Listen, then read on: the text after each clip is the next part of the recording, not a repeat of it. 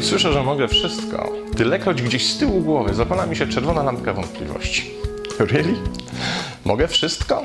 Naprawdę? Mogę osiągnąć wszystko, czymkolwiek bym nie pomyślał? No to zróbmy eksperyment. Chciałbym zostać światowej sławy baletmistrzem.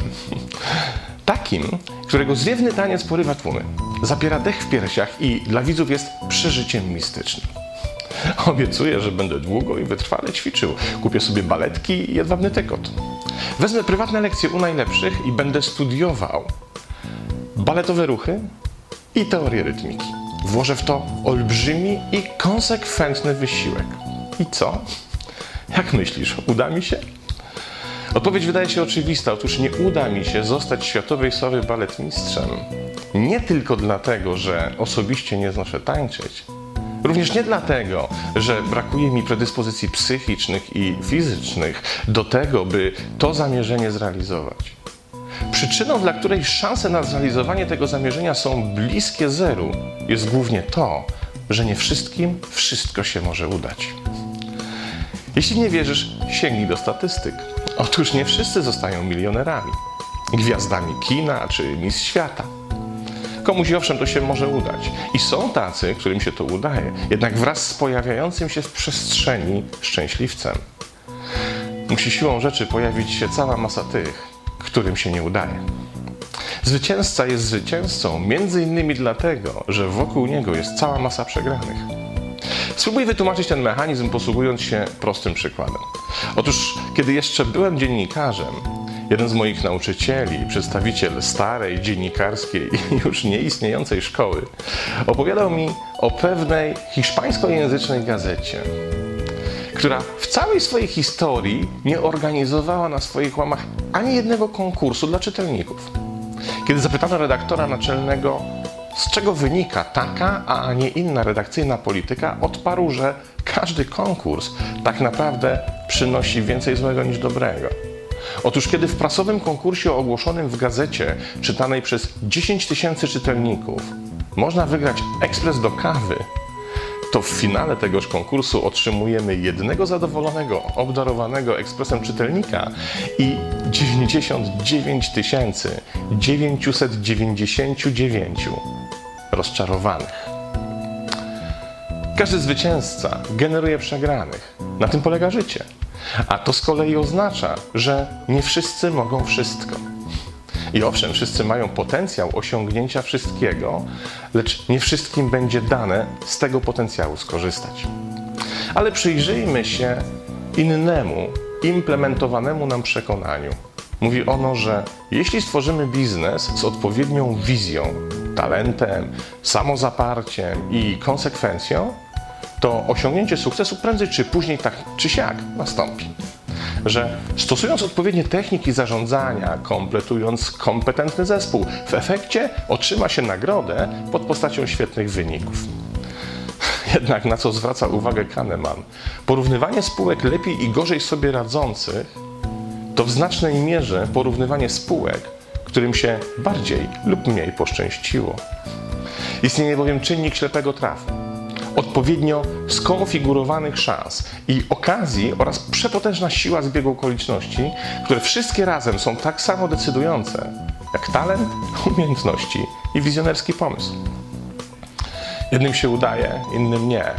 Jedni osiągają wszystko, a drudzy niestety nie. Ale jest jeszcze jeden czynnik, który stawia pod znakiem zapytania prawdziwość obietnicy, każącej nam wierzyć w to, że osiągniemy cokolwiek sobie wymarzymy. Otóż istnieje jeszcze pozycja startowa, stan za stan. Poziom czy miejsce w życiu i świecie, z którego do tego obiecanego możesz wszystko startujemy. Nie wszyscy mamy dokładnie taki sam układ szans i możliwości na początku drogi. I sięgnę tutaj do wyłącznie jednego przykładu. Otóż miałem okazję kiedyś pobyć przez chwilę w szpitalnym oddziale onkologii dziecięcej. I powiem Ci jedno, kiedy widzisz kilkuletniego dzieciaka z ogoloną głową, który po dializie jest tak słaby, że nie jest w stanie samodzielnie wdrapać się na inwalidzki wózek, to ostatnią rzeczą, która przyjdzie Ci do głowy jest przekonanie, że wszyscy w życiu mogą wszystko. Bo dzielą nas nie tylko talent i predyspozycje, ale też życiowe szczęście otwierające się przed nami okazje. tak samo jak możliwości. Życie nie jest sprawiedliwe. Możliwości nie są równe. Nigdy nie były, nigdy też nie będą. Co zatem zrobić? Co począć z tak fatalnym, jakby się mogło wydawać, założeniem? Otóż najgorsze, co możesz zrobić, to nie robienie niczego.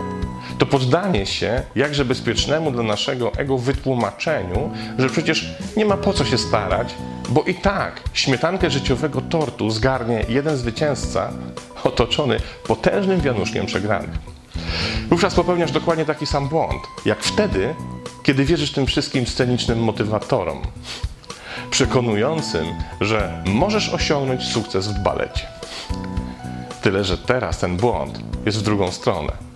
Z jednej skrajności wpadasz w drugą. Z ekscytującego napompowania motywacji sukcesu wpadasz w usypiającą apatyczną stagnację, karmioną nieustannym przekonującym wytłumaczeniem, że i tak nic się nie może udać. I wielu ludzi idzie tą drogą. I czynią w ten sposób sobie taką samą krzywdę, jaką czynią sobie, mamiąc się mrzonkami o nieskończonych możliwościach, wizją bogactwa, sławy, popularności i innych iluzji. Rezygnują z robienia czegokolwiek, przez co sami sobie podtrzymują istnienie tego dualnego, oszukańczego systemu, na którego jednym biegunie jest obietnica zwycięstwa, a na drugim gorycz przegrany. Każde ekstremum jest zawsze złe. Niezależnie od tego, z której jego strony stoisz, po której się opowiadasz i w jaki ekstremizm wierzysz.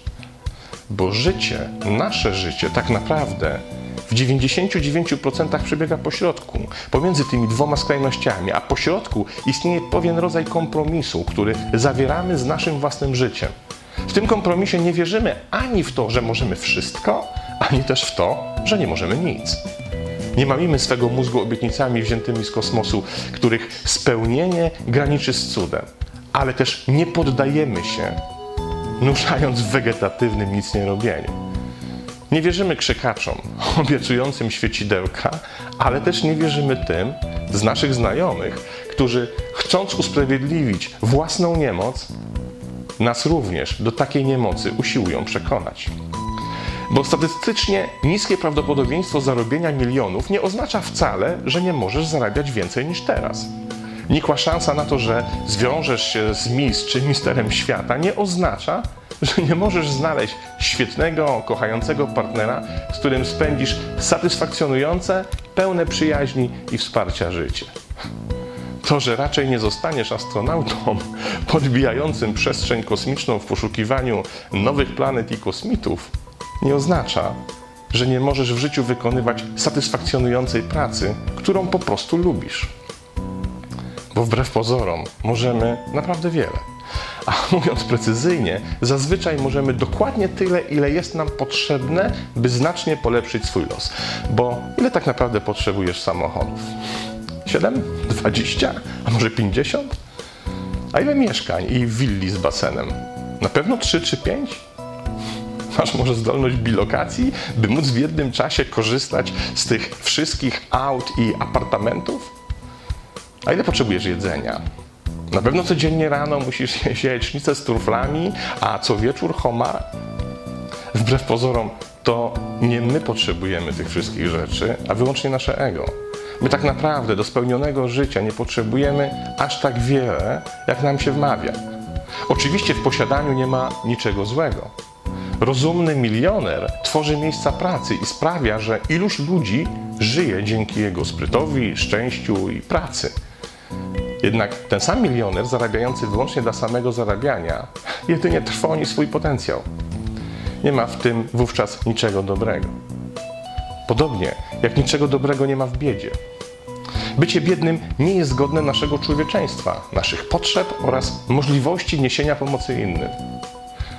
Pamiętasz, co mówiłem o skrajnościach? Są po prostu złe, niezależnie od tego, po której ze stron się sami lokujemy. I tak samo złe i nieproduktywne jest postrzeganie świata jedynie za pomocą tych skrajności. Kiedy dasz sobie wmówić, że możesz wszystko i niestety jak większość tego wszystkiego jednak nie osiągniesz, to będziesz się czuł zawiedziony, oszukany i potraktowany niesprawiedliwie przez życie. Kiedy zaś uznasz, że nie możesz niczego, bo cokolwiek byś nie zrobił, to i tak nie polepszysz swego losu, Bo jak mówi Franklin, właśnie dołączyłeś do tych, którzy umierają w wieku 25 lat, ale czekają z pochówkiem aż do 70. Kiedy dawniej pracowałem z ludźmi chcącymi zrzucić kilogramy, nigdy im nie tworzyłem wizji pięknej, wysportowanej sylwetki czy wyglądu Miss Uniwersum.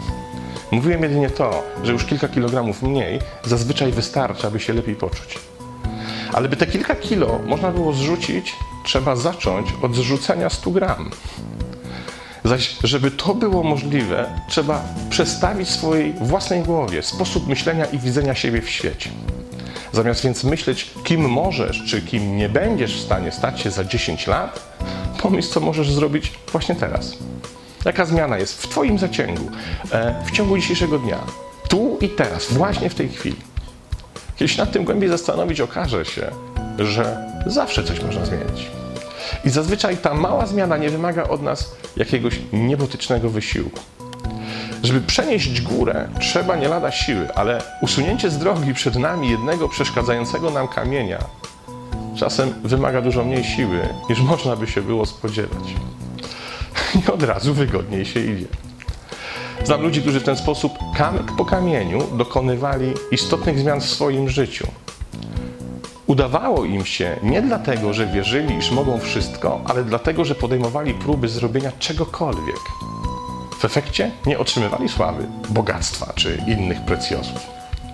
Jednak sprawiali, że zaczynało im się po prostu lepiej żyć. A czyż już nie samo to jest warte zachodu? Ja tymczasem rozważę jeszcze raz swoje zainteresowanie baletem. Pozdrawiam.